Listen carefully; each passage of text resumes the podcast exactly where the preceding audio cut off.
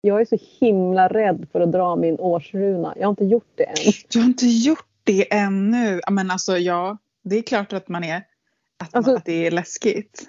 Men det är läskigt för att jag avslutade året med corona. Började året med att få löss. Eh, kan inte längre dricka kaffe för det är en så här biverkning av corona som var min typ favoritgrej att göra på morgonen. Nej! Jag är så ledsen. Eh, jag vill inte bli någon du vet, jag vill inte bli någon som säger att kaffe är dåligt för jag tror inte det alltså, för mig. För mig, för mig. Jag mår bra av kaffe på morgonen. Det är min... Ja. Men det går inte, jag kan inte dricka det. Och har inte riktigt någon plan för våren vilket typ inte har hänt. Jag har skalat bort så himla mycket att jag inte ens vet vad jag ska jobba med. Eh, och nu är jag så rädd att jag ska dra typ så här någon så här jättetransformation. Ja, Efter jag, hade, jag hade liksom fä som årsruna. Det var så njutningsfullt förra året. ja, men jag fattar, du har blivit lite bortskämd av fä nu ett år. Jag är bortskämd av fä. Alltså jag drog ju precis den runan som är den stora typ transformations och bara så här bam hardcore. Vilken drog Eh, du? jag drog Evas E. Hästrunan. Som Okej. också a.k.a. dödsrunan. Men du, var ju liksom, du nämnde ju det för mig och, och du kände så här, Mm. ja ja det är dags. Ja. Jo men alltså dels är det väl så här att det finns värre runor ändå. Det finns tänker jag de som är mer så här stagnation. Det är alltid läskigare än transformation tycker jag. Ändå. Och eh, det finns också de som är lite mer våldsamma. Jag menar hästen, så här, hästen är ju en varelse som jag är allierad med. Liksom. Det, är min, det är ju verkligen en andlig ally till mig. Och eh, även om det här är liksom hästen som för en ner i dödsriket och tillbaka, obs tillbaka också, det är bra. Så är det ju liksom ändå så här, men jag har gjort den resan förut. Jag är inte helt obekant med att resa ner i dödsriket. Mm. Så det känns liksom som att, ja, okej, let's do this again then. Men det känns också när du säger den så är det som att så här, hästen har ju varit lite eh, frånvarande i, ditt liv. Ja. Så att det är också så här return to the, to the horse för dig. ja men verkligen. Ja, men jag känner mig, ja, och det är ju Rhiannons djur också. Men liksom det är ju, hon, är, hon är ju med här fortfarande liksom. Eh, Så det är klart. Men det är inte light, det är det inte. Nej. Det är, inte Det är love men inte love and light. Nej, men alltså, alltså man får ju lägga ihop både det ena och det andra och med tanke på dina sista två år här så um, ja. Så är den Mm. kanske ganska mysig nu. Ja, jo. Alltså det, det är du som rider på hästen. Det är du som väljer att gå ner i dödsriket. Du kanske inte blir så här, du vet, Nerputtad. riden av maran ner i Nej, dödsriket. exakt. Because that already happened. Men du, vi fick ju också spådomar av både Peter och Amy i de förra avsnitten. Både så här astro Ja. och tarot. Ja, verkligen. Så det är inte som att, det, vi har ju fått lite liksom info ändå. Båda två. Men vi, ja, jag, vi har fått info. Jag tror verkligen jag landade lite i vad... ehm, alltså jag, när jag la ihop dem så fick jag liksom en sån här, ah okej. Jag förstår alltså lite grann att... Jag förstår lite att min tomhet är superviktig och att jag ska ägna mig lite åt ehm, det som jag verkligen vill ägna mig åt som jag faktiskt inte hann kanske göra så mycket under förra året när det var mycket Mm. så här jobb hela tiden och roliga grejer och casha in massa saker. Utan Mm. och nu försöker jag liksom verkligen bygga, bygga upp mig själv mer eh, i det magiska men också våga gå lite djupare tillsammans med andra. Och liksom, ja men inte försöka nå så långt ut hela tiden. Nå lite, lite när, närmre. Mm. Och verkligen tänka på Även om förra året var kul så var det vissa stunder som inte var bra för det var för mycket och då mår jag dåligt. Och då eh, tänker jag att, att skala av nu liksom. Alltså nu har jag Mm. skalat av så mycket så att det är tur att jag har podcasten så jag har någonting att göra. Och min Mm. årsvandring. Mm. Ja men speaking of podcasten så fick ju den också, den fick ju också sina små så här, eh, liksom spådomar. Och, eh, Ja. och där kändes det som att det var väldigt tydligt, det som både du och jag hade pratat jättemycket om hela hösten. Det var ju Ja. exakt det Peter och Amy sa och det är ju det du säger nu, att vi båda Mm. är liksom lite nära typ utmattning, utbrändhet liksom. Av att det har varit lite mycket liksom, Ja. kanske. lite mycket liksom. Och vilket då på något sätt när vi lyssnar till det som vi har fått av andra och det som vi har fått av våra egna eh, kort och runor och genom våra samtal. Det är ju att vi har tagit ett beslut nu att eh, bara sända en gång i månaden. Mm. Men det är ju, och, ja alltså det, vi vill ju liksom inte Alltså så här, om man inte lyssnar till signaler om att det börjar bli lite mycket då, kommer det, det, då händer ju det att man bara kör på tills man stupar och sen så finns det inte kvar. Men vi vill att podcasten ska finnas kvar så då måste vi liksom hitta ett hållbart sätt att, att driva den istället. Precis. Och, och då, när vi pratade så var vi också ganska så här för att när vi startade podden så var det så här bara wow vad kul. Haha. och sen många lyssnare. Vi har nästan tusen personer i förmödrars eftersnacksgruppen. Vi har runt 65 Patreons, vilket, alltså det här är helt fantastiskt. Men om vi skulle vilja jobba med podcasten, alltså om vi skulle vilja eh, ta tid av jobb som liksom, ger oss pengar så vi kan betala våra räkningar, då behöver vi ännu mera Patreons. Eh, och det är väl lite det som vi, om ni vill hjälpa oss och vill att podden ska sändas ofta, alltså efter sommaren kunna sändas igen som den gjorde förra året. Då är det lite det att vi, vi behöver helt enkelt stöd. Ja, för nu har det ju blivit att vi båda har jobbat typ heltid på ja. så förvär förvärvsarbete och på liksom försökt ha typ ett så familjeliv och gjort podden. Alltså det är inte hållbart i längden och vi förespråkar liksom hållbarhet för jorden, för våra kroppar. Alltså vi måste practice what we preach liksom. Och eh, då måste vi kunna gå ner i tid på våra förvärvsarbeten och inte bara äta tid av vår egen liksom, self-care tid hela tiden. Ja. Nej men verkligen så att och vi räknar väl ut ungefär att så här, ja, men det är inte så att podden tar så här, du vet, hur mycket tid som helst men att den landar på någonstans mellan 10-12 timmar per person per avsnitt. Mm. Eh, med klippning, med research, med administration, med att eh, liksom, eh, få ut saker på Patreon, hemsidan, lägga upp på Acast. Alltså det, det, blir väldigt mycket och, och det är väl lite det som vi gärna skulle vilja ehm, Alltså gå från att man får fina nice bidrag som har gjort att vi kanske kan köpa någon bok och vi kan resa till varandra och sådär. Men att istället kanske kunna komma upp till en större summa. Och då mm. bara säger vi så här Hallå om vi är nästan 940 på eftersnacksgruppen vill ni ha, ha, oss mer? Vill ni liksom att vi ska finnas? Eh, och kunna liksom, precis som du säger Elding, gå ner i tid och bara jobba. Alltså det vore ju så coolt att jobba med podcasten. Så please, eh, era pengar helt enkelt hjälper oss till det. Om man bara ska vara krass. Ja, och, det, och, man behöver ju verkligen inte gå in med så mycket pengar utan liksom på, på, Patreon så har vi ju olika nivåer där den lägsta är 25 kronor i månaden. Um, och det hjälper också jättemycket. Men vi har ju lite nya liksom um, möjligheter med Patreon nu. Så att liksom vi, vi tänker så här, det är ett nytt solvarv och vi har fått massa spådomar. Vi gör lite makeover på podden, det vill säga vi går, släpper den en gång i månaden. Men vi trappar också upp lite på Patreon. Så att det liksom ger lite mer där. Så att ni ja. kanske kan tänka er att bli medlemmar där. Ska vi berätta lite vad vi tänker? Eller ska ja. vi säga det i slutet? Eller vad säger du? Ja det kanske vi kan göra. Jag är så himla sugen på att ställa min hemliga fråga. Ja! Mm. Okej. Okay. Jag vet nu att du inte är så mycket för liksom, du vet, så här, grandios ceremoni, outfit och så vidare och så där. Men om man tänker så här, du får inte välja så här mössa och skoteroverall nu. Okay, det, det okay. finns inte med. Utan om du får välja ett liksom en headpiece eller hårsmycke oh. eller huvudbonadsmycke. Uh, någonting som du skulle ha i ceremoni. Vilket är ditt liksom, to go to? Vad tycker du bäst om? Alltså, ja, ja men jag är ju, jag gillar ju sånt här också. Jag tror mest att det är så här, en paus lite grann från det. Men bara, det går in på mitt Instagram så är det bara så här, det är ju översållat med eh, flashiga outfits liksom. Just det, just. Ja men alltså min favorit go-to headpiece. Som, får jag fantisera fritt eller måste det vara någon ah. jag har? Nej nej nej, fantisera fritt. Ja. Uh, nej men då tänker jag, ser, det som jag ser framför mig nu är ju någonting med horn tror jag. Som jag skulle vara sugen på. Jag har ingen med horn. Men det är väldigt fint. Nej.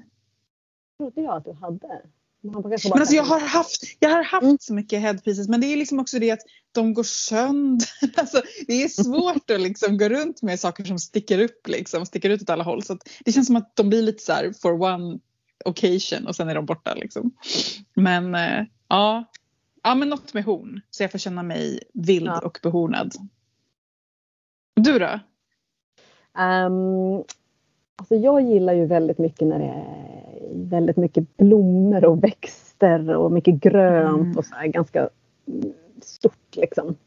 Eh, så här, ja men alltså inte bara en blomma utan typ 15 blommor gärna. Alltså mycket sånt. Ja. Eh, mycket växt, växtkraft och sådär. Eh, det skulle jag välja. Eh, men apropå det här med att horn går sönder. Jag, råkade, jag hade en jättefin horn. Eh, ja, ett horn eh, headpiece. Som en kompis hade gjort men eh, jag råkade kliva på den så den gick sönder. Då var det inte liksom konstruktionen som var fel. Det var man ska det inte kliva på dem. Nej men du vet att det är lite mörkt och det är skymning. Man har hållit på och packat Mm. upp sina grejer. Och så bara klev jag ett steg bakåt och så bara Mm. bye bye. Men alltså något som är jävligt nice nu när jag tänker efter på det från så här, något photoshoot jag har gjort så då, då jag bara liksom satte ormbunkar som en krona i håret. Det är nästan den finaste jag någonsin haft. Och det är ju liksom Ja. verkligen bara för one occasion. Mm. Liksom, den kommer ju vissna inom några Mm. timmar. Men alltså det är inte, man ska inte underskatta så här, bara liksom Nej. något så enkelt. Eller typ höstlöv som också typ torkar jättesnabbt. Men det är så vackert när man bara sätter upp dem liksom. Alltså det är ju skitfint med sådana där bara som man gör väldigt liksom. Bara, In the moment. in the moment liksom. Alltså jag är ju, en av mina hobbys är ju att göra kransar liksom. För dörren eller för håret eller liksom bara små flä, fläta med växter liksom. Det är så himla, Mm. det är så himla vackert. Men, men då är det ju verkligen, ja du kan ha den en gång, två gånger kanske. Sen är Mm. de ju inte så här. De har gjort sitt liksom. Mm. Men alltså det där döda höstlöv och sånt när det är lite så här, du vet, man ser nästan bara fibrerna genom löven. När det är så här, alltså kransar, dödskransar. Det är, Mm. det är snyggt. Mer dödskransar. Är dödskransar. Hörru, vad har vi för tema idag? Ja men vi ska prata musik. Ett ämne som har, eh, gud vad vi har försökt få in det här ämnet. Ja men det känns så självklart så att det liksom har försvunnit bort typ. Mm. men Men menar ska, det, vi, ska vi, vad för slags musik? Ska vi bara prata allmänt om musik? Typ Diggy-listan? eller hur? Nej men musik, ceremoniell musik, musikens plats i magi och ceremoni.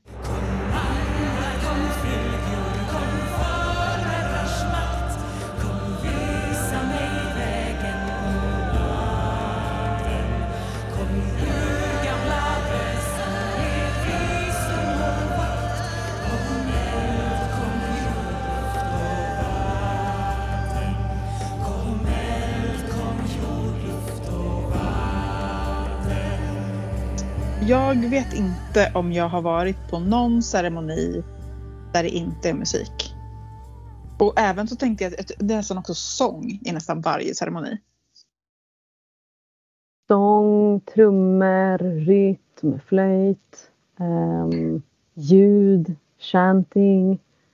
Alltså verkligen lite jag vet inte om det är specifikt för så här ceremoni, den typen av så ceremoniell magi vi gör. Om, man- om människor som håller på med mer så folkmagi. Det kanske inte är lika, så man kanske gör spells och så. Då kanske det inte är att man alltid sjunger eller gör ljud. Jag vet inte. Nej. Men just när man gör så saker ceremoniellt så känns det väldigt liksom. Det känns som att det är en del av ceremonins liksom eh, dramaturgi. Att Ja. man liksom gör, man, när man kallar in, man sjunger in krafterna, man använder musiken för att eh, liksom försätta sig själv i liksom ett förändrat medvetandetillstånd, i trans, liksom öppna upp för det liminala. Nej men alltså verkligen, jag tror att eh, jag nog aldrig har varit på någon ceremoni där det inte heller varit. Även om det har varit väldigt avskalat, lugnt, minimalistiskt så har det alltid varit någon form av eh, åkallan med musik eller bygga energi med någon form av musik. Mm. Eh, Ibland kanske när jag är ute själv och gör lite så här, du vet, eh, om jag bara gör så här snabb eh, ceremonier Mm. går till ett träd och bara ber om råd och sådär. Då, brukar, då händer det inte alltid att jag sjunger eller någonting. Då kan jag bara vara så här. Du vet, gå till trädet, jorda mig, försöka få kontakt, berätta vem jag är, vad jag gör. Och så. Men, men då är det så här fem minuters grejer liksom. Men en sak som jag tycker är spännande med det, det är att, nej men jag gör ju inte heller det. alltid. Men som offer tycker jag sången är väldigt bra därför att man har alltid med sig det. Alltså man typ går i naturen och man typ möter ett väsen i ett träd eller en liksom ande eller man kanske får någonting. Ibland kanske man får en jättefin fjäder av skogen liksom. Och så vill man typ ge något i gengäld och så bara nej jag har inga fina blomblad med mig eller jag har ingen, liksom, inga nötter eller något offer. Men att man kan alltid ge en sång som gengåva. Liksom. Det tycker jag är... Ja, nej men det är verkligen, verkligen så. Alla har ju det i sig. Även om man tror att man inte har det så har man ju en sång i sig.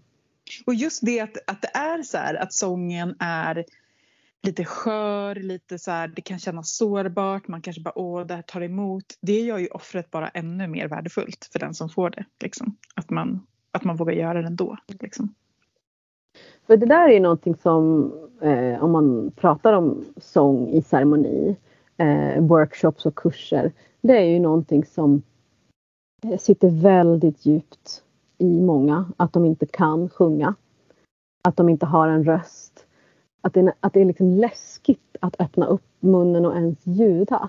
Att det finns, det finns otroligt mycket trauma i att man ska kunna sjunga. Det ska vara så snyggt och, och perfekt liksom.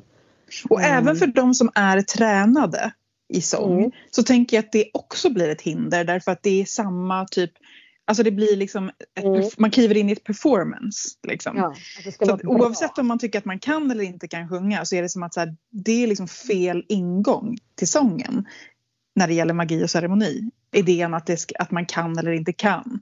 Alltså även den som har en idé om sig själv att den kan är fel ute. Tänker jag, liksom. Ja men visst, för det blir ju ofta väldigt performativt. Liksom. Och det gäller ju även rö- alltså folk som vet att de kan röra sig. Ibland när de rör sig så blir det mer att rörelsen tar över precis som sången, den fina sången kan ta över, att man försvinner bort från nuet i ceremonin. Mm.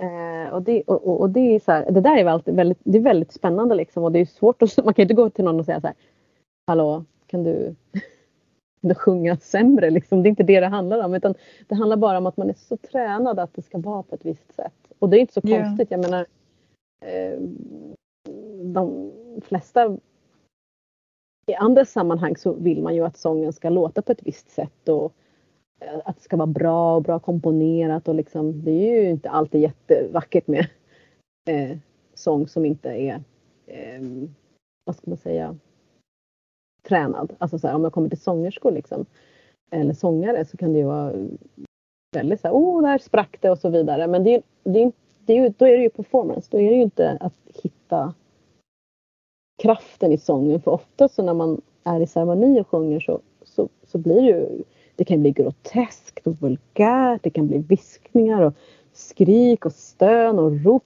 och chant. Det kan bli fina melodier. Alltså det, det blandas ju väldigt vilt vad det blir.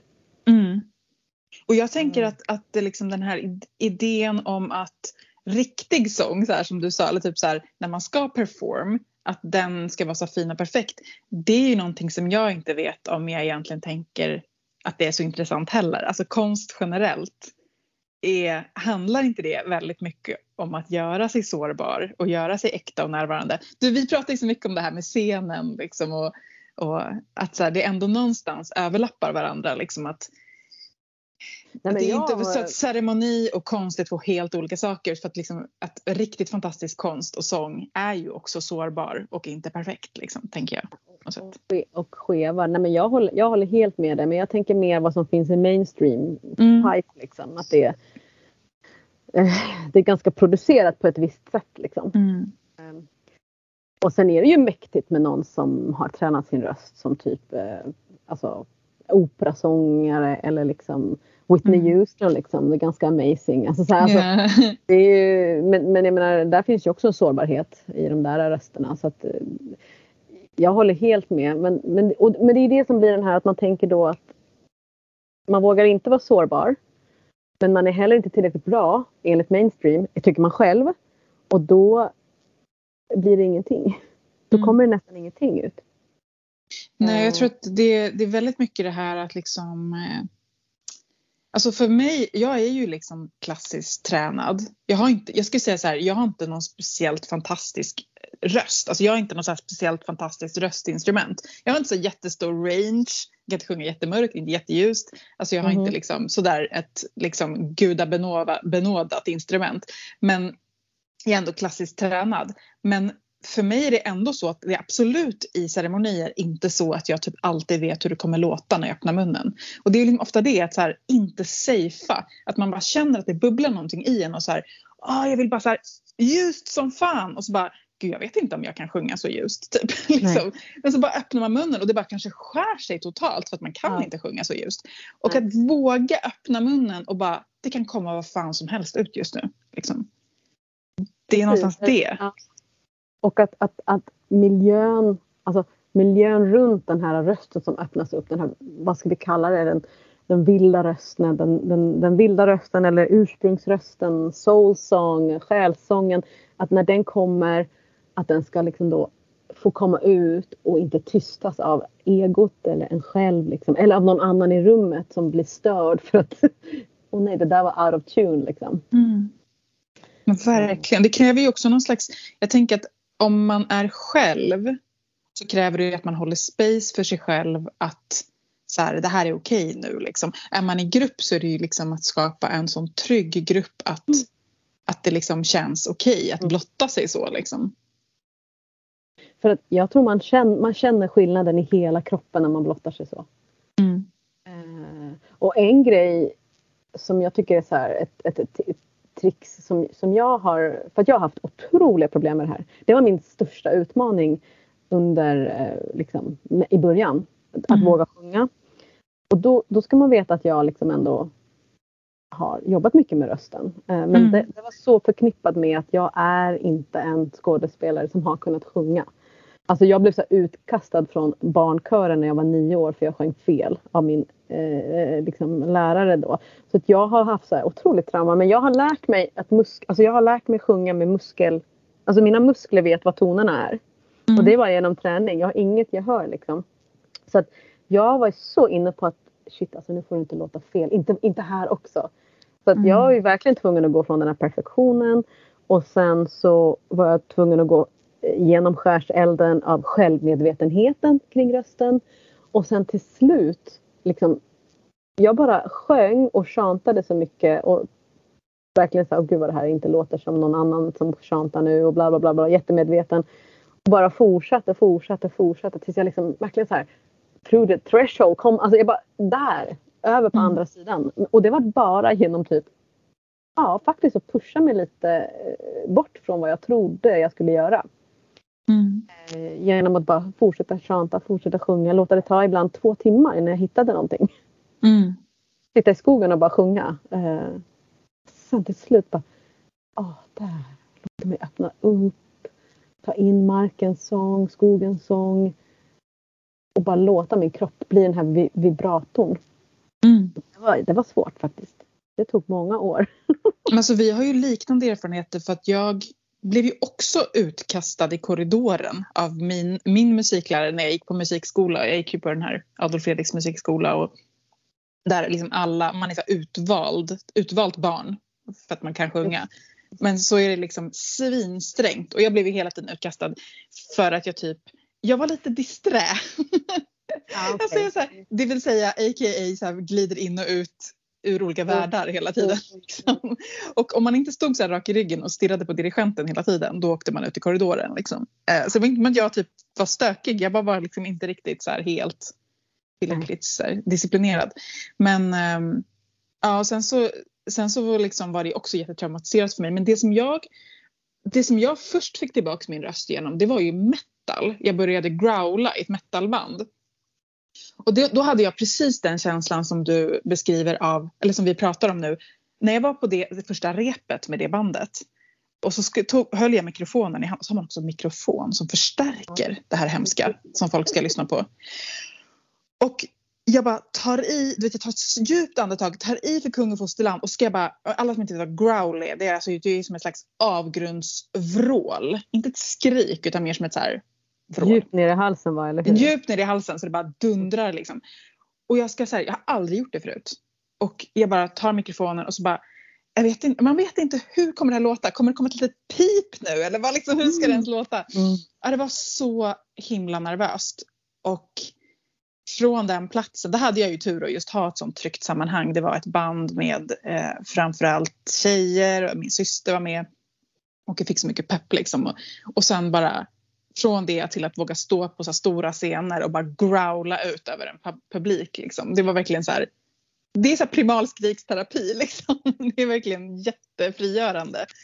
Uh, så alltså det, där tror jag att jag mm. fri, frigjorde min stackars musikskoleröst. Så när du hade den här eh, micken framför dig, men då hade du väl ett val liksom? Att antingen go for it mm. eller att hålla tillbaka, eller? Ja, och jag tror att nyckeln där var ju liksom det att alltså hade jag inte varit trygg med de människorna i rummet. Att de inte kommer skratta, de kommer inte bara mm, då, liksom, det där var inte så bra. Utan jag visste att så här, hur dåligt det här än blir nu så kommer de så här yeah go for it, go for it more typ liksom. Mm, och att, mm. att det var det liksom, att jag visste att det skulle vara välkommet på något vis hur det än var. Um, så liksom, precis som du säger, att pusha sig över någon slags gräns för vad man vågar. Men inte för att någon tvingar en utan för att det, man skapar ett tryggt sammanhang där man bara så här okej, okay, jag vågar testa det här liksom. Ja, men jag tänker också liksom att vi kom, skolan gör sitt och musikskolan är ju liksom, de har redan kommit in och då är det ju ändå så förväntat ännu mer att man verkligen ska kunna sjunga så det är typ ännu mer humiliating på ett sätt. Och, mm. och, så det är ju verkligen hemska grejer men sen är det också så här att, att man liksom hyschas som barn.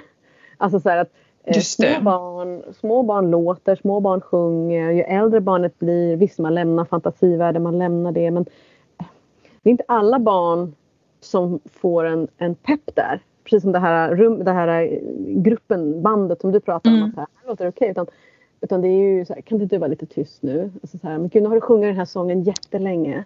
Alltså barn sjunger ju sånger länge. De, de är repetitiva. Eh, och att, att man inte får den där eh, bara, you know, sjung. Sjung. Det spelar ingen roll att det inte låter bra.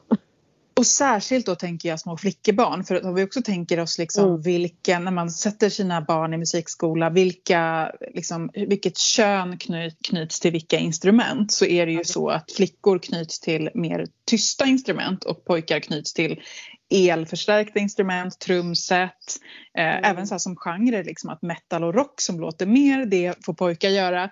Så att, liksom att små flickor lär ju sig att vara tysta. Alltså det är också en anledning för mig varför när jag valde ett huvudinstrument så valde jag trummor. Jag har spelat liksom jag har gått på musikskola i vuxen ålder och spelat trumset. Och då har jag spelat metal-trummor. För det är mm. samma sak att jag tänkte att så här, jag vill jag vill utmana mig själv att föra så mycket ljud som det bara någonsin går. Liksom.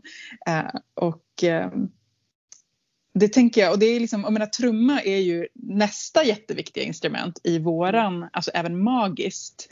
Och det är ju också, det är ju också ett instrument som, som är liksom, det går att göra väldigt mycket ljud med. Eh, det är också svårt att gömma sig med en trumma liksom. Ja. Det är verkligen så. Där man är också många, och där kommer ju liksom om, om sång handlar om eh, pitch, right pitch, tonläge, styrka, vad kan man göra med rösten, vibrato, öppna upp och sådär. Så, kom, så är ju trumman ett annat trauma det här med rytmen. Att tappa Precis. takten. Att ja. spela fel, att, att man är lite lite före, lite lite efter liksom. Ja men exakt och det, jag, menar, jag har ju spelat trummor i band och på scen mm. och då är det ju verkligen så här andra instrument, till och med sång kan man så här lite bara typ. Mm. Medan mm. försvinner ett trumslag då är det så här alla hör det liksom. För det är så här det går inte att smälta in det liksom i allting. Så det, det är också så otroligt liksom känsligt. Um. Det känns, alltså, och det, det fattar man men då är också så här, back again, performance liksom. Eh, ja och sen så, så trumman ska sen kanske också läggas ihop med rösten. Mm. Det är någon mm. slags ko koordination liksom. Ja, så kommer koordination och då har vi liksom så här, oj oj oj. Någonting som väldigt få människor kanske har blivit exponerade till. Mm. Och har de det så har det varit då i mera sådana sammanhang som ska vara perfekta eller liksom på ett visst sätt och sådär. Och i ceremonin så är det ju bara, alltså ta bort alla de förväntningarna. Ta bort allt det där. Och liksom bara så här, mm, till en början. Liksom. Ja men då tänker jag också att man, man måste inte heller, nu pratar vi väldigt mycket om så här growla och bara skrika typ men man behöver heller, alltså det är ett sätt att göra det. Ett sätt är att verkligen bara så här öppna munnen och bara låta vad fan som mm. helst komma ut. Men man kan också tycker jag man kan också närma sig saker som man är rädd för på ett mjukt sätt. Man kan också prova att bara så här börja viska fram, börja liksom så här och så bara försök slappna av i det, andas i det och sen så ge lite mer plats, lite mer plats. Alltså man kan liksom, precis med trumman också, man måste inte... Man kan börja och liksom börja ganska svagt och sen istället låta det sakta liksom vidgas genom Alltså om man sitter och trummar i en halvtimme så kanske man liksom ökar och ökar och ökar och, och frågar sig själv så här, kan jag göra det lite, lite starkare? Mm. Liksom. Um, ja, så det finns ju den vägen också.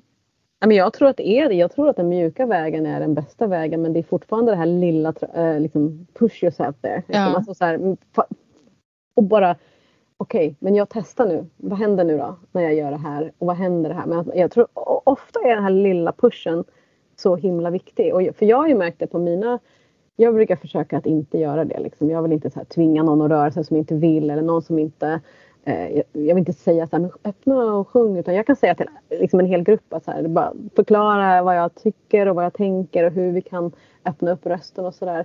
Men sen liksom så här kan man ju forma utan att säga saker själv om man håller i en grupp. Man kan bara liksom skapa den miljön genom att liksom eh, ibland kan man ju själv vara den som börjar göra ett högre ljud kanske. Typ som när man tonar i grupp. Mm. Eh, man, kan själv, alltså man, kan, man kan utmana dem i gruppen genom att bara liksom kanske göra ljud själv. Eller eh, eh göra små övningar, alltså följ, följ varandra eller följ det där ljudet eller följ det och sådär. Och bara bygga det här självförtroendet med rösten och likadant med trumman. Mm. Ehm, att så här, någon får följa någon som gör en rytm. För att då kan man göra vilken rytm som helst och så ska de andra följa. Alltså det är det här verkligen att långsamt eh, bygga upp självförtroendet i, i ceremoni. För jag tror att folk är rädda för att synas och höras. Ifall det skulle vara fel, eller hur? Ja, och jag, jag tänker att så här, det är liksom inte en rädsla vi ska försöka blockera eller motverka eller få bort utan det är i den sårbarheten som också mm. andarna blir nyfikna, upplever jag det som. Alltså när vi de, gör oss ja. så nakna och sårbara, det är då de börjar tassa in. Om vi vill stå där och vara helt jävla perfekta, alltså det är ganska så här, då, står vi fortfarande med något slags pansar och något, något, slags skal och det är inte så att de väsen vi ropar på blir så himla intresserade av att komma då liksom. Nej. Så att det som för dig är fel är kanske precis det som åkallar det där väsendet liksom. Visst alltså. Och sen det här magiska som händer när man också låter det få, få hålla på ett tag. Ja. Tr trumma länge, chanta länge, sjunga länge. Eh, det får man ju nästan aldrig göra i något annat sammanhang utan då ska man ju typ ta en, en ny låt eller någonting annat men här kan man ju verkligen sjunga tills man typ är utmattad eller kommit upp i extas eller eh, kommit in i det space av meditativa tillstånd eller eh, omförställning till vad man ska vara. Alltså så här, det är också det där att oh, det finns inga begränsningar i hur länge du ska sjunga. Nej, där tycker jag snarare att det vanligaste felet jag upplever på ceremonier det är att det är alldeles för kort. Det är så här, mm. vi sjunger den här sången tre gånger. Men mm. man hinner liksom inte, alltså för att komma in i de där meditativa transtillstånden så behövs det lång tid. Och mm.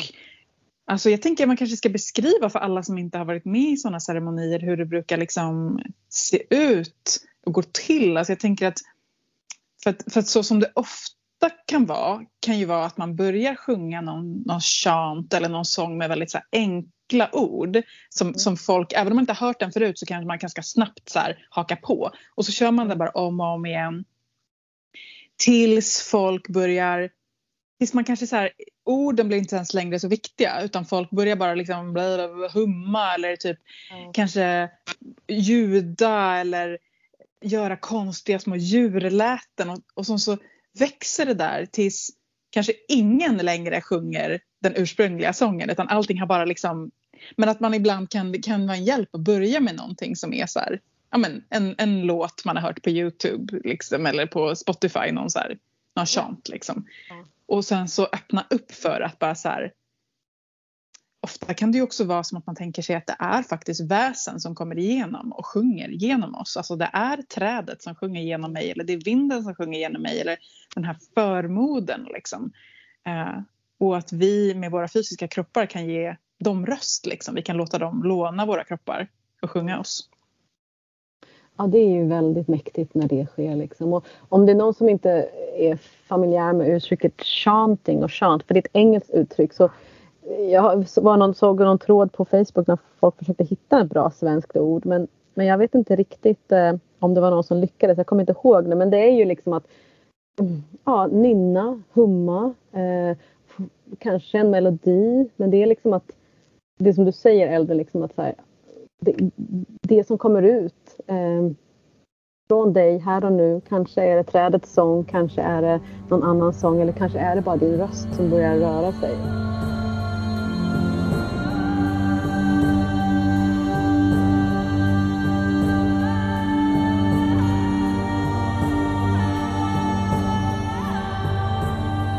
Jag vet också att man kan börja sjunga, man kan börja liksom chanta lågt, man kan börja chanta högt, man kan liksom bara släppa ut ett, ett A-ljud eller ett O-ljud eller liksom och, och, och, släppa in andningen. Mm. Man håller andan liksom. Verkligen. Det är, det är verkligen ja, men det är lättare sagt än gjort liksom. Men alltså, jag tänker så här, Eldin, du har ju, du har ju släppt en skiva.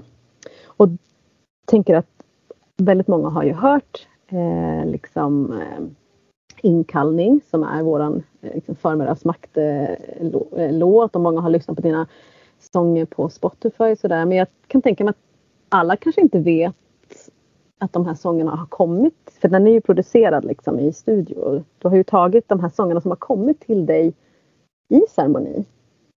Ja, och sen ja, liksom, det, kan inte du berätta lite om det? För eh, det är ju, för, från början var det ju bara eh, melodi och ord och alltså så här, små fragment av alla de här eh, ceremoniella låtarna som du... Man kan ja men precis. Ja, men för folk frågar mig så så bara, när kommer nästa skiva? Mm. Och jag bara, men alltså jag har inte skrivit den här skivan. Jag kan inte bara typ så här, nu, nu producerar till skiva. Alltså de här låtarna kom till mig över typ en period av tio år. Så jag, I guess att nästa skiva kommer om tio år då. Liksom. Så att så här, det är precis som du säger, de liksom... Eh, de, varje, varje sång har liksom kommit till mig.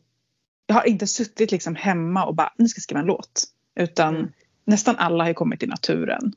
Eh, och liksom, eh, de har inte kommit så i en ceremoni med andra människor utan de har kommit när jag har varit själv i ett ceremoniellt tillstånd i naturen. Um, och sen har de liksom sjungits i ceremoni. Jag har tagit med mig dem till ceremonier och bara så här, hej jag har en sång till solen. Vi har en typ kanske en solceremoni och så har det kommit en sång till solen. Kan vi sjunga den här tillsammans liksom? Och så har vi gjort det i massor av år tills jag kände så här, eh, nu är det dags att fler människor få chans att typ använda de här sångerna i sina ceremonier.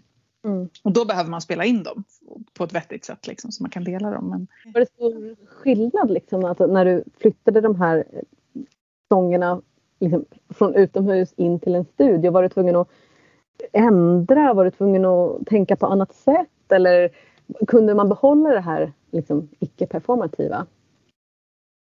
Alltså det är en jättespännande fråga. Jag, just här, när jag sjunger de här sångerna i ceremoni med människor eller ute i naturen, då hör jag något annat i mitt huvud tror jag än vad som hörs ut. Alltså, det är som att jag hör en magisk version av sångerna. Så när jag sjunger dem så hör jag typ änglakörer eller du vet så här, jag hör typ hur berget sjunger med mig eller jag hör liksom hur det ekar och Alltså, förstår du vad jag menar? Det är inte bara min lilla röst där utan jag hör en hel typ produktion i huvudet fast naturens produktion. Så att det jag försökte göra när jag spelade in det var ju på något vis att så här, hur det låter i mitt huvud försökte jag göra liksom en, försökte jag återskapa liksom.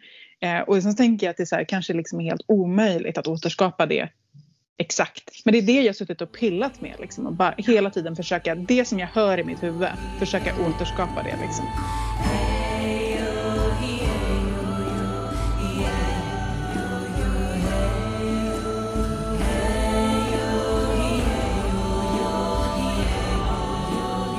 Jag tycker det är bra att du har producerat dem. Alltså så, att, så som du alltså, så som du tror eh, att andra kan använda den på bästa sätt. Liksom. Jag tycker det är ett starkt beslut liksom, så att det inte bara blir att man spelar in en sång från skogen. Eh, det kan man också göra men att det behövs. Jag, jag tror att det behövs den där lilla förhöjningen med, med instrument och med körer och liksom för att lyfta fram just det där känslan i sångerna. Ja, för det är det jag känner liksom, när jag spelar in typ bara en trumma och min röst. Så, och så lyssnar jag på det och bara, men så här låter det inte i mitt huvud. Typ. Det låter mycket mer magiskt. Jag måste, mm. måste försöka skapa liksom, ja, den magin som jag hör. Liksom, eller, så. Um, ja, men för, för magin är ju där med, på platsen med de människorna som är där i ceremonin. Och det är ju svårt att återskapa då om man inte får lite... Och det är det som kanske är när man producerar någonting. Man bara, det här var känslan och det här var magin och det där liksom. Lägger Men precis. Det är väl samma sak när man producerar liksom scenkonst tänker jag också. Liksom, att det är så här, mm. försöka... Ja, ja. ja. Känslan liksom av en sång. Alltså, men du och jag hade ju tänkt absolut att aldrig någonsin göra det här i hela mitt liv, men nu gör jag det. Eh, skulle du vilja höra min version av eh, en av dina sånger? Om jag skulle vilja, jag skulle vilja det så gärna. Jag sjunger ju den här ofta i ceremoni och det tänker jag att det är fler som gör. Men det är ju din inkallning. Så när jag Gud, sjunger den... Vänta, jag har inte börjat ännu. Nej, men när jag sjunger den så brukar jag sjunga den så här. Är du redo?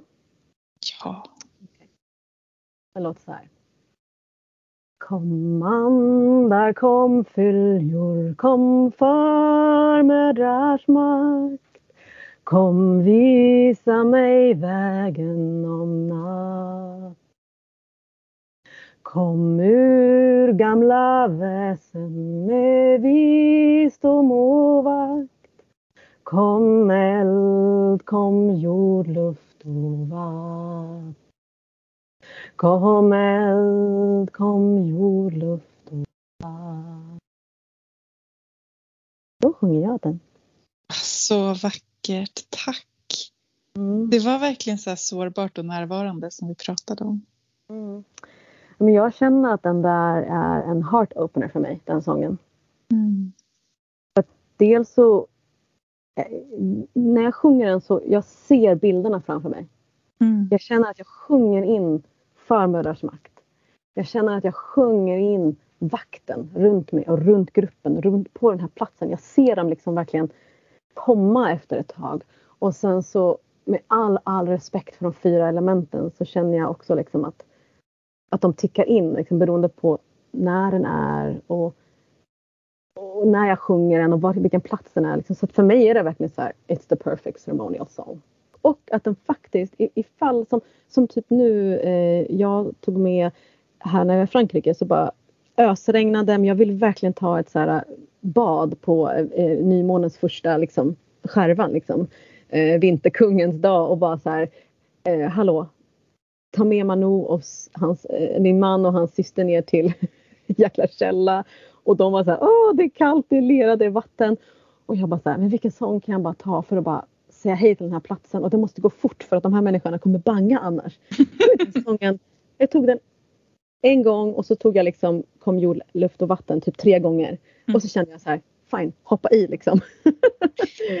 så den går också, alltså jag tycker den, ja, den är men det, det, är så, det är min upplevelse också när typ jag är på olika så, så, så ceremonier och folk bara eh, vad ska vi sjunga typ? Ska vi, vi, då är det, så här, det blir som att det är så här, den är lite så här allomfattande som att nu har vi kallat in det viktigaste. Liksom. Eh. Men eftersom det är våran jingel, hur kom den till dig den här sången?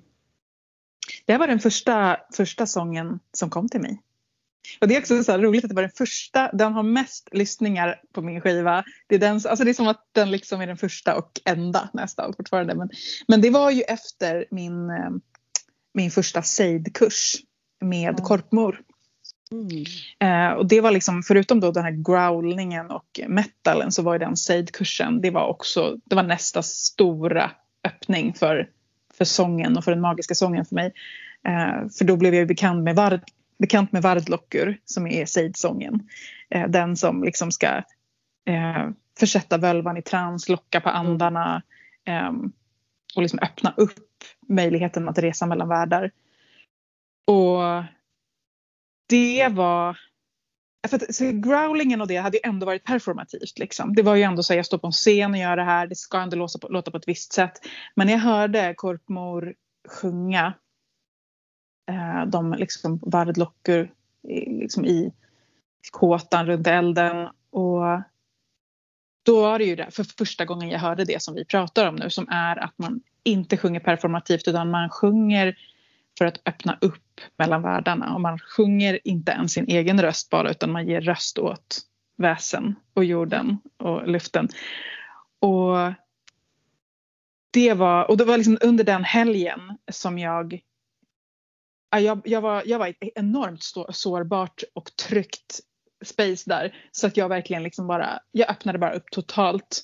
Hittade helt ny relation till min röst den helgen.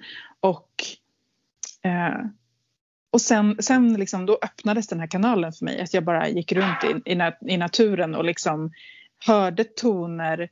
Och istället för att lägga band på dem eller trycka ner dem så, så lät jag dem bara komma ut ur min mun. Um, hörde ord, liksom, eller fick så här, jag hör den här tonen, jag skulle vara, vilja, vill sätta det här ordet på den här tonen och så bara gjorde jag det. Och eh, då var det den första. Jag liksom tänker att det är någonstans den handlar om, det, var, det är liksom en inkallning till alla de väsen som jag då bjöd in i mitt liv. För det var ju liksom mitt första steg på, den, på, liksom, på allvar på den magiska vägen. Liksom. Så det var som en, så här, kom och var med mig, visa mig den här vägen nu som jag börjar gå på för första gången. Kom och håll space för mig, vakta det här spacet. Liksom åkalla alla de urgamla att liksom the baby witch, hjälpa henne på vägen liksom. Mm. Det är så fint alltså för det finns ju så eh, många sådana här ceremoniella sånger som vandrar runt i ceremoniella kretsar som Många på engelska har blivit inspelade men på svenska så finns det ju inte så jättemånga sånger som är inspelade. Det är ditt, du har ju en del svenska sånger på ditt album och sen så har ju du nu hjälpt till och liksom mixat, producerat och liksom iscensatt Korpmors vision på hennes nya album som kommer. Ja, alltså det känns ju som att hon har ju liksom, det är ju tack vare hennes musik som min musik finns. Så ja. när, hon, när hon har frågat mig liksom om att spela in och producera hennes så har jag ju bara känt så här, hell yeah. Typ. Så, ja, men jag, jag spelade in hennes förra skiva. Den, den är ju väldigt avskalad och väldigt enkel och mina, mm. mina pro, producentskills var inte riktigt lika stora. Men nu eh, det här 2021 så har vi spelat in en ny skiva och eh, den är inte släppt än men den kommer snart. Mm. Ja, men det är ju så att jag menar alltså samla på er sånger, lyssna på vi skulle kunna de... Nej men jag vet inte vad, vi behöver inte dela för att uh, Amy, våran Astro Amy, hon har ju gjort en uh, playlist på Spotify som heter Förmödrars makt. Som finns liksom i musiktråden och där är det hur många olika ceremoniella sånger som helst. Och där skulle ni bara kunna gå in och plocka några sånger som ni gillar och börja öva på en sån sång eh, med ord om det känns lite svårt att komma in i chanting-grejen och också komma in från den, alltså börja från det hållet. Att ta mm. en sång känna sig bekväm med den och börja sjunga den på platsen och sen så ändras den sången till någonting annat och så vidare. Eh, för de här ceremoniella sångerna är ju inte så här, oh den får bara sjungas av uh, Jana Runnels eller den får bara sjungas Nej. av Elvin utan de ska ju sjungas. De är ju tänkt att sjungas. Alltså jag får jätteofta att... frågan så här, hej jag undrar om jag får sjunga den här ceremonin eller sjunga din sång på min ceremoni. Och jag tänker så här, det är jättegulligt att folk frågar men ni, ni kan verkligen sluta det, med det. Ja. alltså, den rättigheten att säga nej till det den har jag liksom eh, avsagt mig i och med att jag har släppt mina sånger fria på Spotify. Det, det, och det gäller allt. Vill man inte att en sånger ska sjunga så ska man inte släppa dem, tänker jag. Det är, liksom, det är precis som att ska jag inte få gå runt och nynna på I will always love you. Liksom. Det är klart jag får. Ja, liksom. Så jag tycker att det är liksom det vi gör när vi släpper vår musik. Det är att nu är den alla ska sjunga. Liksom. Och jag vill bara peppa alla ni massa, jag, vet, jag ska inte säga, några namn nu, ska inte hänga ut någon, men jag vet att det är så himla många av er eh, prästinnor, priestex, präster där ute som har så himla bra sånger på svenska och jag bara peppar er till att spela in dem på svenska också så vi får fler ceremoniella sånger på svenska. Mm. Det är bara en önskan liksom och eh, nu vet jag att Elden inte har tid i år men hon kan rekommendera någon annan eller liksom om ni har någon kompis som ni känner er trygga med att bara få in dem liksom. Eh, mm. Det, det, det, det, är ju världens finaste gåva till gudinnan också och alla oss som jobbar med henne. Ja, alltså vill man spela in så finns det alltid en väg. Alltså, Ja. all, allting är så här, nej men det går inte därför att. Det är bara olika motstånd. Sorry to say it liksom. Det är så här, det går att lära sig på Youtube hur man spelar in superenkelt med gratisprogram. Och det, och annars kanske man har pengar och kan betala någon. Alltså det finns alltid en väg. Så om, eh, om era sånger ska bli tillgängliga för andra så alltså, det ska inte vara för att ni inte kan utan om man vill man inte då är det en sak liksom. Keep it by yourself. Men vill du så går det. Absolut. Alltså, Det är gör bara också. att utmana de eh, små, små mönstren som antagligen är där för att man är lite rädd för att dela med sig. Liksom. Mm. Och sårbarhet och sådär. Alltså jag tänker innan vi liksom wrap it up här så vill jag bara nämna en fantastisk eh, bok angående trumning.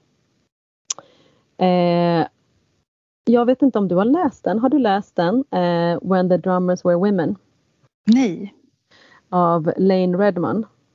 nu berätta. Alltså det är ju liksom en spirituell historia om rytm. Eh, för att i liksom eh, för liksom pre-Christian time i eh, liksom runt eh, västra Asien, runt, runt eh, Medelhavet så var alltså man använde bara kvinnor i templerna. Pagan, pagan ceremonies liksom, det var kvinnor som trummade. Mm. Och det var kvinnorna som hade eh, rytmen. Och det har de ju liksom bevisat genom olika arkeologiska fynd från den tiden. Liksom, att kvinnorna har blivit begravda med sina trummor och eh, bilder eh, av kvinnor med trummor och eh, statyer med kvinnor med trummor liksom, i de här templarna. Och hon den här eh, som har skrivit den, Lane Redman, hon är en jätteduktig trummare. Man kan kolla på henne på Youtube och kolla hennes videos. Liksom. Men hon har skrivit den här boken Eh, bara för att liksom påminna oss om lite grann som det som du sa i början, liksom, att det här med eh, man behöver inte ha de tysta instrumenten som flicka utan att vi har Mm. den här liksom med att hålla kraften i en hel ceremoni, att hålla rytmen i en hel ceremoni. Att det har varit faktiskt eh, väldigt många kvinnor som har trummat genom liksom, eh, civilisationen. Och ehm, hon har olika, om man går in på hennes Youtube eller hennes hemsida så har hon olika rytmer för olika tillfällen. Och de, alltså det är riktigt magiskt arbete. I boken så är det både liksom eh, he, hela historien men sen också liksom så här, och, eh, det är inte bara liksom historien om trumning, det blir lite en historia om ens ursprung också. Mm. Alltså med, med, med, med, musikens ursprung, med trummans ursprung och hur temp... Alltså, och sen är det ju lite så här. Sen går hon in och liksom, ska man säga det här? Alltså början av boken är mer historia och sen så är det liksom som att hon i- mitten av boken lite mer sin eget utlägg kring sin egen koppling till det här och det är inte säkert att det är bevisat eller sant men så som hon ser det på det lite grann. Och sen så är det mer så hands-on tips liksom så här hur man, hur man kan göra och så vidare. Um, men hon gjorde ju typ research i, jag vet inte, 10-15 år innan hon skrev boken. Så att det är ändå så här ganska pretty good liksom. Mm. Eh, och många så här lite mer kända människor, typ Gabriella Roth, eh, Starhawk, eh, Mickey Hart, alltså de använder ju liksom Christine Northup också. Alltså det är ganska många människor som använder den här boken som ursprungs, ursprungspunkt Mm. om man pratar om trummor. Den är fantastisk faktiskt. Jag älskar den. Gud vilket bra tips. Eh, Både för folk som redan trummar men kanske särskilt för den som så här, ah, jag Mm. vet inte riktigt hur jag ska liksom, Mm våga göra det här.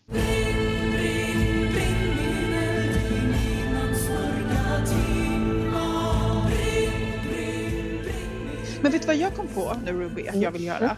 Jag kom på att jag eh, vill ge någonting till våra patreons och det är att jag tänkte att jag ska eh, berätta lite grann om varje sång på min skiva.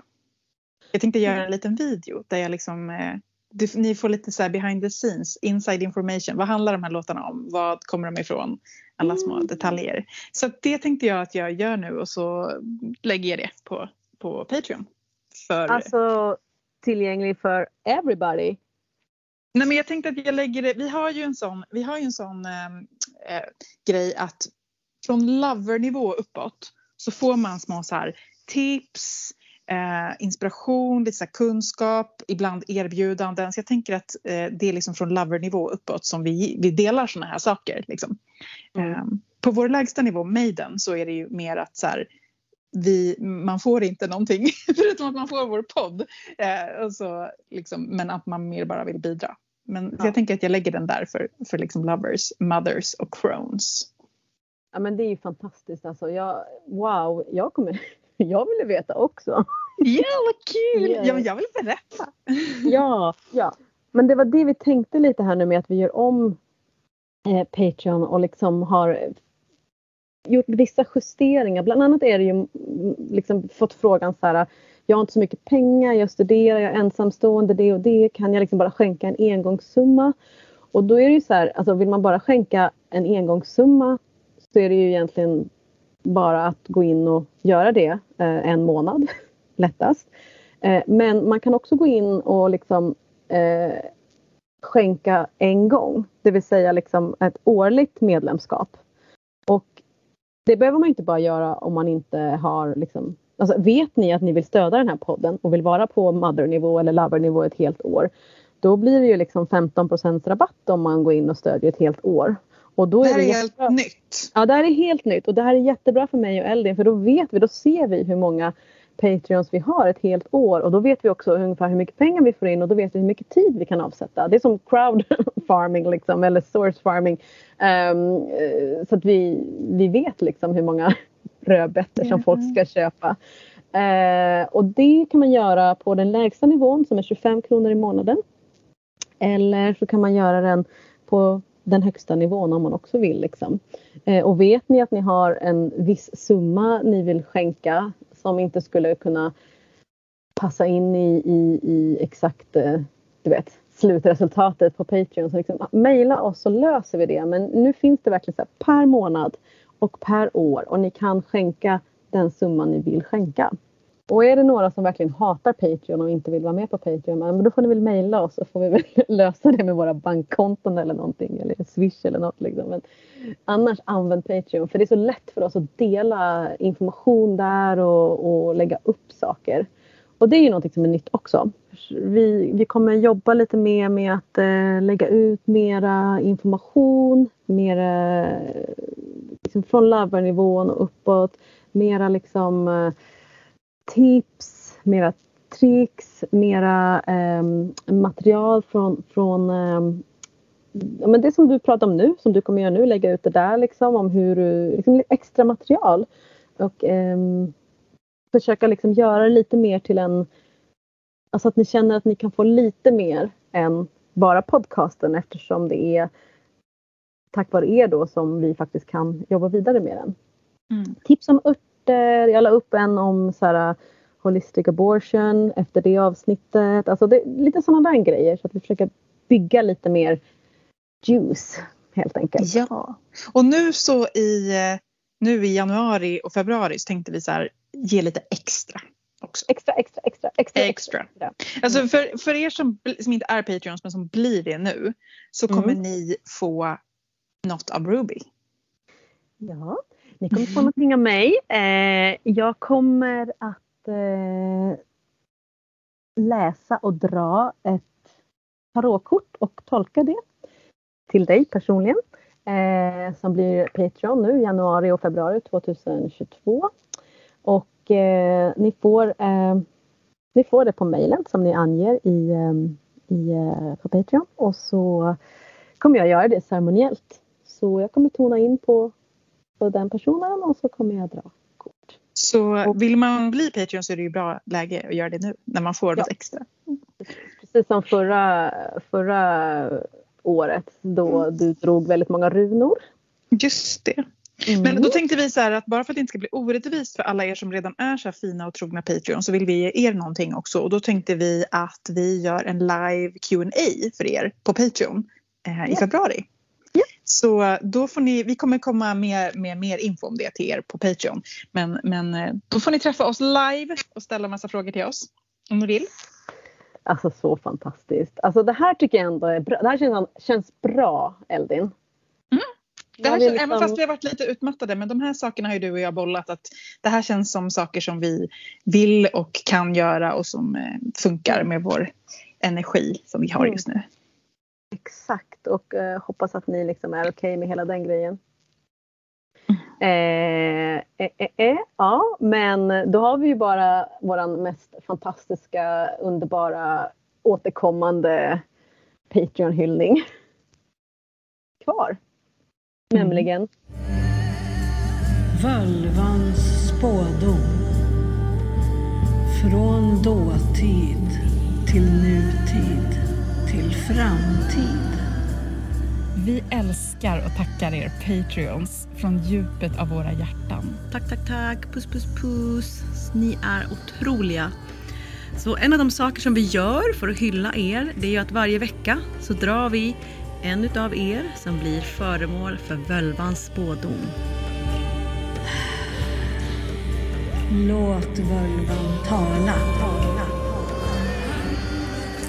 Den här spådomen är till Annette och Annette, när jag satt med ditt namn så visade sig den stora björnen i, på natthimlen för mig. Stora björn, Ursa Major.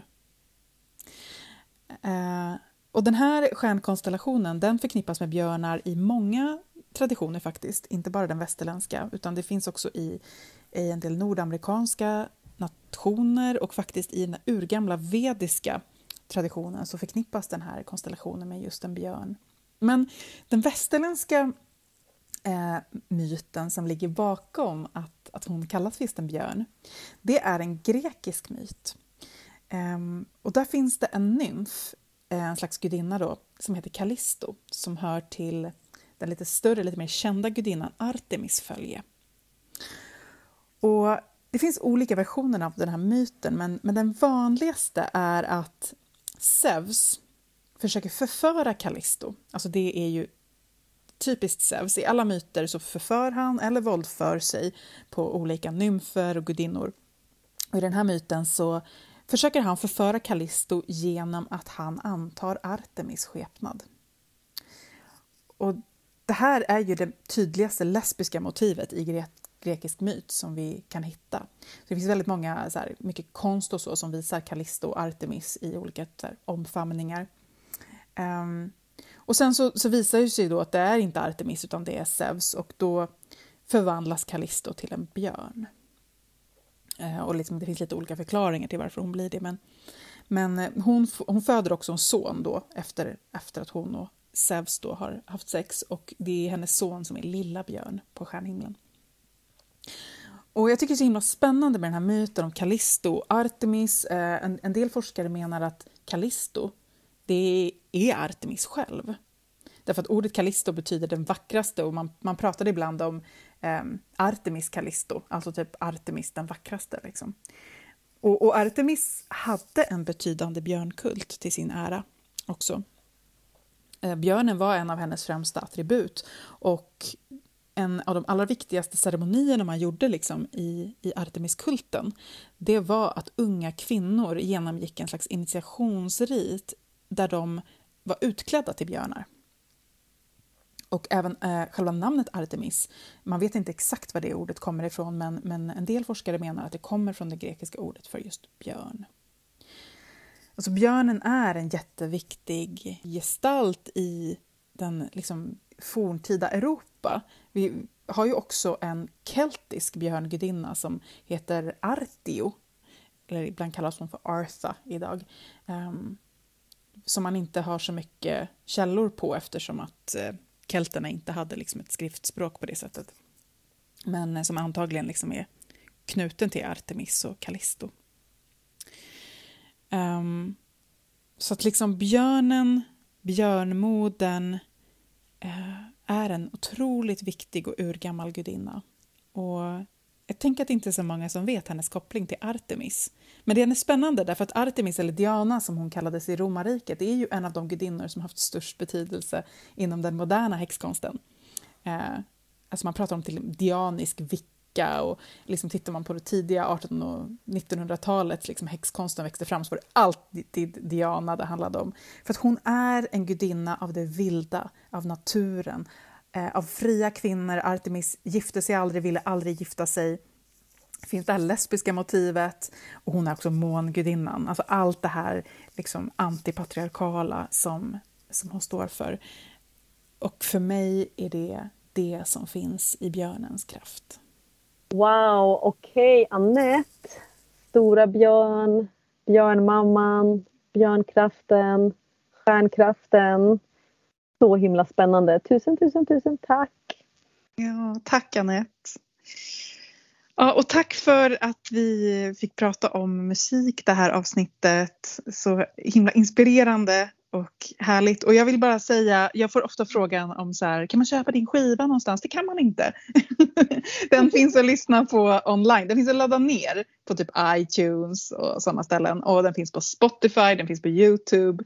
Eh, jag har också gjort två musikvideos tillsammans med min syster eh, som finns på Youtube som ni kan kolla på om ni vill få så här en, inte bara lyssna utan få så här magic input eh, för ögat också. Och jag heter ju. Eldin, det vet ni och det heter, ju, heter jag ju då när jag gör musik och skivan heter Earth Witch Fire Priestess om ni behöver söka på det. Mm, mm. Ja, om det är någon som har missat din musik så alltså go there now. Det är en typenorder. Det är typenorder. Mm. ja. ja. Men, Men... Ut, i, ut, och, ut och lyssna på musiken i era egna marker också nu tycker jag och liksom eh, så här eh, ja, börja sjung. Mm. Och ja, börja sjung och fortsätt nu i drömtiden innan vi kommer till inbulk eh, och bara så här What does this land tell you? Alltså snön. Om man har snö där man är så sjunger den ju också väldigt fint.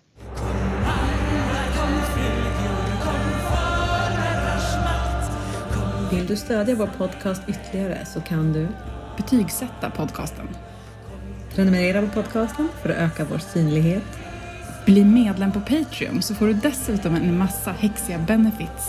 Gå in på patreon.com formodrarsmakt. Och vill du ta del av ytterligare samtal med likasinnande, bli medlem i Facebookgruppen Förmödrars makt eftersnack.